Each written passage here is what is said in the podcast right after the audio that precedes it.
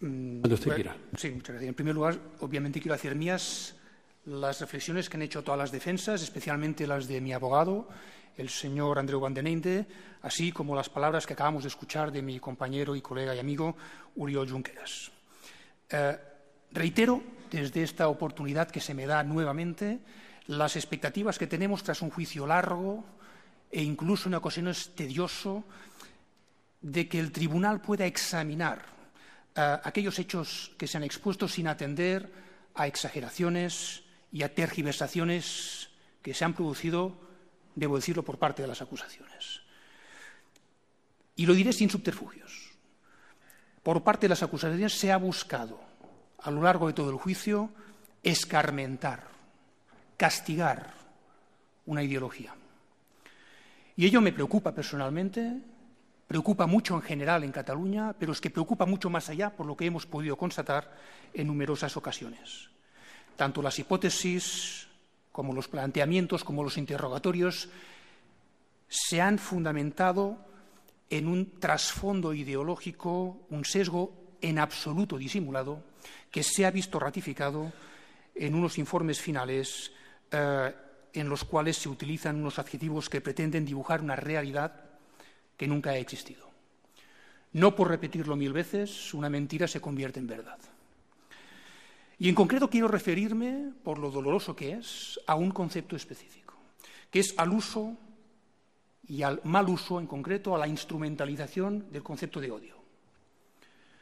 Las acusaciones han querido construir un marco mental fundamentado en la existencia de un odio contra España irracional, contra lo español, contra el Estado. Pero es que desde mi punto de vista, tal y como hemos venido demostrando y argumentando, no solamente eh, ello es falaz, es que además es irresponsable. Es falaz porque no han podido aportar ni una sola prueba, ni una, que demuestre tal odio por parte de quienes estamos aquí sentados en el banquillo. Ni una, cero, cero. Pero es que además, si escucharan alguna vez, si tuvieran el detalle de empatizar con los dos millones de personas que llevan años manifestándose de forma cívica, pacífica, democrática, expresando su deseo legítimo de formar parte de una república catalana, si leyeran las miles de cartas que nos mandan continuamente y que leemos en la soledad de nuestras celdas, comprobarían sin ningún margen de error que no es en absoluto el odio lo que mueve a todas estas personas, en absoluto. Pero es que además es irresponsable. Es irresponsable porque el odio nunca ha construido nada, nunca ha solucionado nada.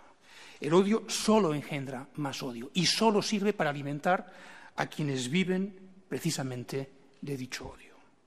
Por ello reitero una vez más, se ha dicho, lo han dicho las defensas, lo hemos dicho nosotros y lo hemos explicado de mil formas.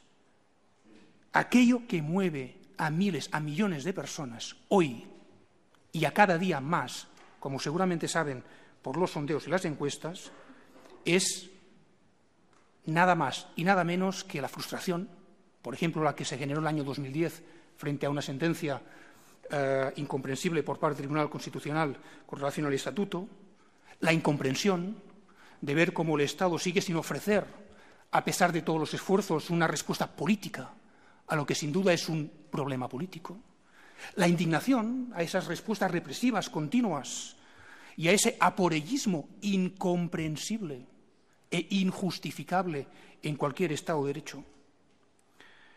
Y por ello, lo que hay es una firme defensa, sin ambajes, de los derechos fundamentales. Derecho a la reunión, derecho a la expresión, derecho a disentir, derecho a protestar. Y ello es lo que, para mí, debe apelar también a todas esas personas que nos han visto estos días, estos meses, y que nos ven también hoy, a entender que esta es una causa que nos afecta a todas y a todos aquellos que queremos construir un mundo mucho más respetuoso entre las diversidades. Apelamos, apelo, insto a todos aquellos demócratas del Estado español y más allá a que podamos conjuntamente construir una realidad en la que no haya juicios políticos, en la que no haya presas y presos políticos. Porque hoy somos nosotros, pero mañana puede ser cualquiera. Si avalamos esto, si aceptamos esto mañana, puede ser cualquiera. Hicimos un referéndum. Lo hicimos. Porque justamente entendemos que en una situación de conflicto lo que hay que hacer es poner los medios para escuchar a todo el mundo. Esta era mi convicción y lo sigue siendo. Y lo sigue siendo. Permitir que todo el mundo se pueda expresar. Y lo hicimos como lo hicimos porque no pudimos hacerlo de otra forma, porque a pesar de que el 80% de la población en Cataluña reiteradamente insiste en que esa debe ser la solución, no hemos podido encontrar los mecanismos para hacerlo de una forma acordada con los poderes del Estado. Repito, el 80%, donde hay mucha gente que quiere votar que sí y que votó que sí, mucha gente que quiere votar que no y que votó que no, y mucha gente que no lo tiene claro, depende. Pero lo fundamental aquí sigue siendo algo que las acusaciones intentaron negar y que las defensas han expresado de forma, para mí, clarísima, que es que hacer un referéndum, incluso si este es ilegal, código penal en mano, no es delito. No lo es. No lo es. Por eso estamos donde estamos y esta es la realidad.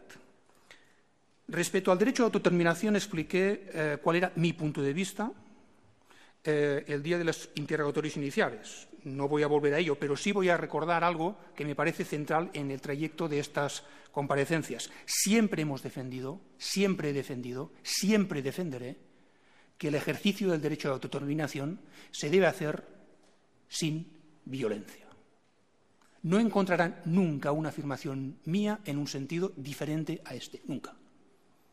Y lo repito y lo repetiré tantas veces como haga falta, del mismo modo que insisto y apelo a aquellas personas que legítimamente, con todo el derecho del mundo, optan, prefieren, defienden la opción de una España unida, eh, que entiendan que con la fuerza, que con la represión no van a convencer aquellos que o bien se sienten ya expulsados de este Estado por la razón que sea, o bien apuestan por vías cívicas, pacíficas y democráticas por una república catalana.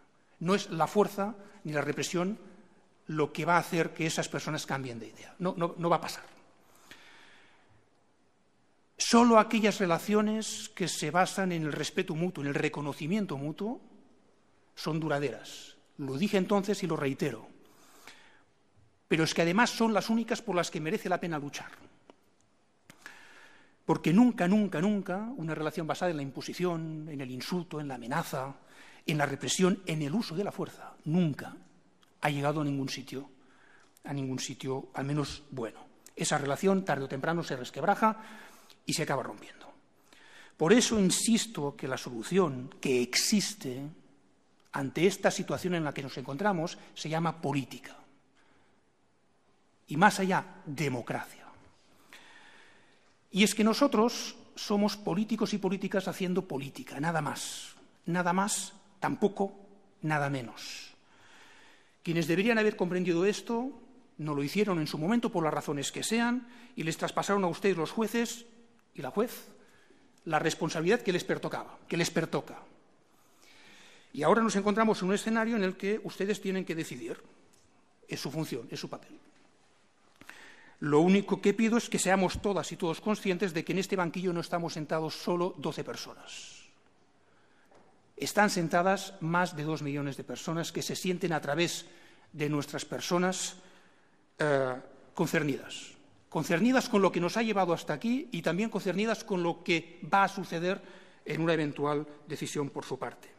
Y que esperan que, esa decisión, que esta decisión sea valiente esas personas, repito, no van a cambiar su opinión o su forma de ver las cosas eh, en función de lo que ocurra en el juicio. Y por ello, y acabo, pase lo que pase, seguiremos con la mano tendida. A todo el mundo, piense como piense. Con el verbo sereno, incluso ante aquellos que nos insultan. Con la mirada global, intentando resolver, responder, dar respuesta a aquellos problemas globales desde nuestras convicciones republicanas, creencias a favor de la justicia, la libertad, la igualdad, la fraternidad, para resolver aquellos problemas que nos afectan a todas y a todos.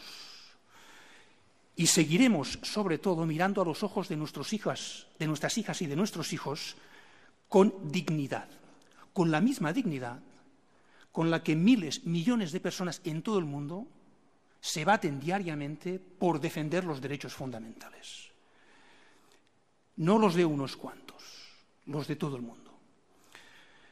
Por último, concluyo con una reflexión que eh, expresó también en su intervención final el abogado y amigo Andreu Vandeneinde, que hago mía y que quisiera que fuera el colofón de esa intervención, que es que nos encontramos ante una oportunidad. Quiero ver, veo una oportunidad. Una magnífica una oportunidad que por el bien de todas y de todos eh, deberíamos poder convertir en una respuesta que nos permita seguir avanzando, obviamente desde la confianza, el respeto y el reconocimiento de las opiniones de cada uno. Dicho eso, muchas gracias y no tengo nada más que añadir. Muy amable, muchas gracias.